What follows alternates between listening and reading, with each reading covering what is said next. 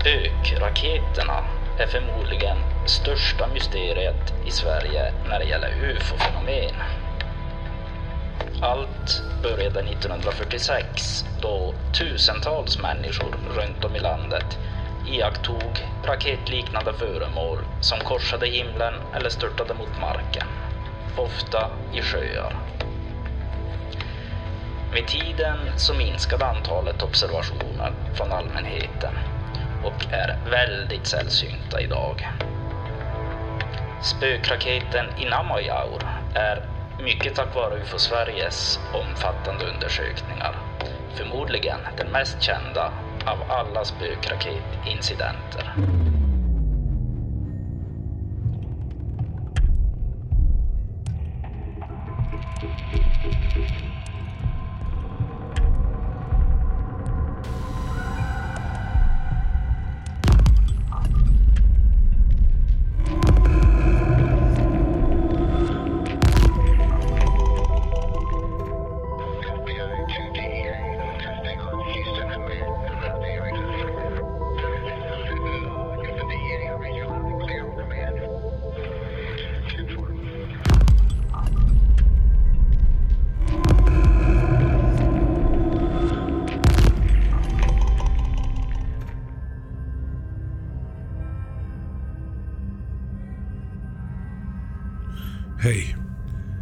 Först och främst, låt oss skilja på spökflyg och spökraketer.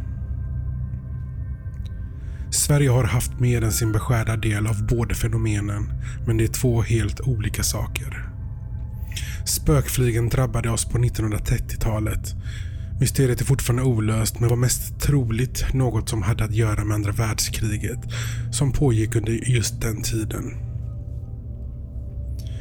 Kanske var det spionplan eller någon annan orsak som flög så att säga under radarn. De kan vi tala om en annan gång. Men nu ska vi titta lite närmare på fenomenet med spökraketerna. Det är svårt att sätta något startdatum för när den allra första spökraketen syntes över Sverige. Men den första ganska väl dokumenterade händelsen inträffade den 21 maj 1946.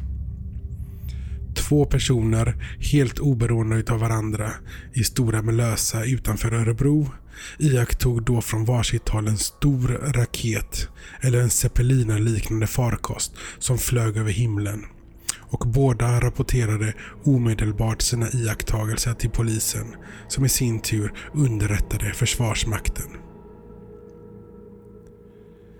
En stor undersökning följde, men ingenting hittades. Det slogs upp ganska stort i tidningarna och redan den 28 maj myntade Aftonbladet uttrycket spökraket som sedan dess har varit vad man allmänt kallar det här fenomenet. Under de följande månaderna fick tusentals människor se de här spökraketerna. I slutet på juli hade det redan kommit in 997 rapporter och fenomenet fortsatte nästan hela hösten. Människor såg de här flygande zeppelinaliknande föremål flyga över himlen ibland på dagen men också ofta när det var mörkt och då löste de om dem. En del som såg dem säger att de inte hörde något men de flesta som bevittnade det hela uppgav att det lät som flygplan. Dessa spökraketer rörde sig i olika banor och tycktes inte komma från något särskilt håll eller vara på väg till samma ställe och oftast tycktes de kraschlanda i sjöar. Det här oroade förstås försvaret. Det fanns ju en stor risk att det var främmande makter inne på svenskt territorium och spanade och spionerade. Så de tog det hela på stort allvar och undersökte allting mycket noggrant. De bildade också en kommitté där ingick deltagare från försvarets flyg och luftförsvar, flygförvaltningen, flygstaben, marinförvaltningen, försvarets radioanstalt och försvarets forskningsanstalt. Ordförande var överste Bengt Jakobsson och sekreteraren var flygingenjören Erik Malmberg. Kommittén kom att kallas för spökraketskommittén och dessa män samlade in och undersökte och analyserade alla dessa rapporter som kom in och beslöt därefter om åtgärder beträffande undersökningarna i dessa fält. Undersökningarna var verkligen noggrant genomförda. Man sökte igenom nedslagsplatserna bit för bit. Både under vattnet, på sjöbottnarna och i omgivningarna runt omkring. Man letade efter vrakdelar, spår och radioaktivitet eftersom man antog att det behövdes atomdrift för att driva en sådan farkost. Men man hittade alltså ingenting av det där. I själva verket hittade man mycket lite om ens någonting. Här går uppgifterna isär något. Då, alltså 1946, uppgavs det från militärt håll att man i ett fall hittat 30 vrakdelar. Men utöver det lades locket på. Det har också pratats om djupa kratrar, kratrar i sjöbottnar och påverkan på växtlivet. I och på sjöarna där dessa spökraketer landat. Men det finns också de som bestämt hävdar att man inte hittade någonting överhuvudtaget. Under tiden som kommittén gjorde sina undersökningar fortsatte rapporter om iakttagelser att strömma in och den 19 juli blev det totalt kaos när tre spökraketer inom några timmar störtade i tre olika sjöar i Norrbotten. Och sedan ytterligare en i närheten av Södermalm. Förlåt, Söderhamn. Spökraketskommittén hade fullt upp men alla deras ansträngningar var till föga nytta för de hittade aldrig någonting som kunde förklara vad det egentligen var för något. Eller om det var något heller för den delen. Medan hela den här invasionen av spökraketer pågick som värst fick det hela mycket stor uppmärksamhet i tidningarna, men också internationellt. Både England och USA erbjöd sig att skicka hjälp, men Sverige tackade nej till det, vilket fick Englands utrikesminister att kalla Sveriges statsminister för fegis. Teorierna var många. En del trodde att någon sorts masspsykos drabbat delar av Sveriges befolkning. Men de flesta, flesta trodde att det var främmande makt som hade någonting fuffens för sig. Testskjutningar kanske. Ryssland blev misstänkta, likaså England och USA. Men det där kunde man senare motbevisa och numera vet man att så inte var fallet. Spökraketerna och deras existens togs i alla fall på största allvar, ända upp i internationella sammanhang. Och den svenska regeringen gjorde allt den kunde för att utreda och avslöja vad det egentligen handlade om. Men det gick inte. Det finns än idag inga svar på vad dessa spökraketer var för något. Var de kom ifrån, vart de var på väg eller vilket syfte de hade. Man vet inte ens vem de tillhörde och vem som sände ut dem. Det förblir ett mysterium, helt enkelt. Faktum är att det än idag rapporteras in om iakttagelser om spökraketer då och då. Och inte heller idag med all den förbättrade teknik vi utvecklat sedan dess får vi några andra svar än “Vi vet inte” på våra frågor. Den 27 juli 1999 blev ett antal människor vittne till hur en spökraket kraschlandade i Backsjön strax utanför det lilla samhället Gunnarskog i Värmland. De kontaktade omedelbart berörda myndigheter som precis som 1946 drog igång en stor undersökning. Fast den här gången med bättre utrustning som till exempel sonarutrustning och toppmoderna undervattenskameror. Man hittade ingenting under dessa tio dagar som undersökningen pågick. Men kunde se att sjöbotten och stränderna runt omkring sjön var påverkad.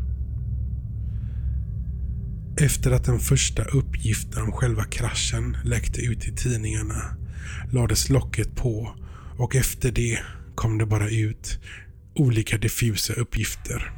till allmänheten. Det var egentligen en hemvärnsövning. Det var militären som skulle öva på att bygga broar. Det fanns något som kunde bli farligt och det, om det hamnade i vattnet. Ja, ungefär så lät det. Och trots att alla hört den första rapporten om kraschen och ingen trodde på de där förklaringarna så rann alla frågor ut i sanden och allmänheten fick inte höra mer. Efter tio dagar avslutades letandet efter det som hade landat i sjön och sedan blev det tyst. Ingen bro, ingen hemvärnsövning och absolut inga fynd. Och så har det alltså varit varje gång något liknande har hänt. Så vi vet inte. Förmodligen vet ingen vad det här är för någonting. Men det finns ju en teori som vi snackade om förut. Masspsykos eller masshysteri som det också kallas är ju den första teorin vi pratade om.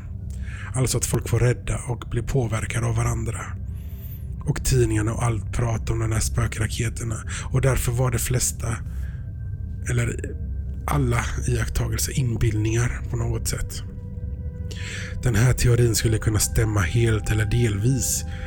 För att det är ju så vi människor fungerar. Vi blir rädda och vi letar efter sådant som vi kan identifiera och förstå. Kanske då att en liten glimmande stjärna kan bli till en spökraket som det pratades så mycket om. Men det förklarar ju inte den där första iakttagelsen. Eller det som gjorts åratal efter den stora vågen av spökraketer ebbade ut i slutet av 1946. Som till exempel den vid Backsjön. Meteorregn eller andra naturliga himlafenomen är också en teori som framförts. Den här teorin kan också stämma i vissa av fallen. Det finns till exempel ett berömt fall från vilket det enda existerande fotografiet av spökraketer härstammar. Eller det var vad man trodde eh, ändå tills det konstaterades att det faktiskt egentligen var en meteor. Likadant har det gått med ett par andra av de iakttagelser i dagsljus som rapporterats. Men inte med alla. I många av fallen har meteorregn till och med kunnat uteslutats. Intrång av främmande makter, ytterligare en teori. Kanske av England och USA som vi tidigare har nämnt. Eller självklart Ryssland. Att de kanske testflög eller testsköt och gjorde det precis ovanför Sverige. Jo, 1946 var det inte så länge sedan sedan andra världskriget tog slut. Men frågan är i så fall, om det inte var ryssarna, i så fall vem? USA och England erbjuder ju både sin hjälp att lösa gåtan och strax efteråt visade det sig att det inte heller var Ryssland eftersom de inte hade den utrustningen som i så fall krävdes. Det har också sedan dess visat sig i deras register att de inte hade den möjligheten överhuvudtaget. Spökraketerna kom ju dessutom inte från ett och samma håll hela tiden. Och man kan ju i så fall undra varför de fortsatt att komma då och då.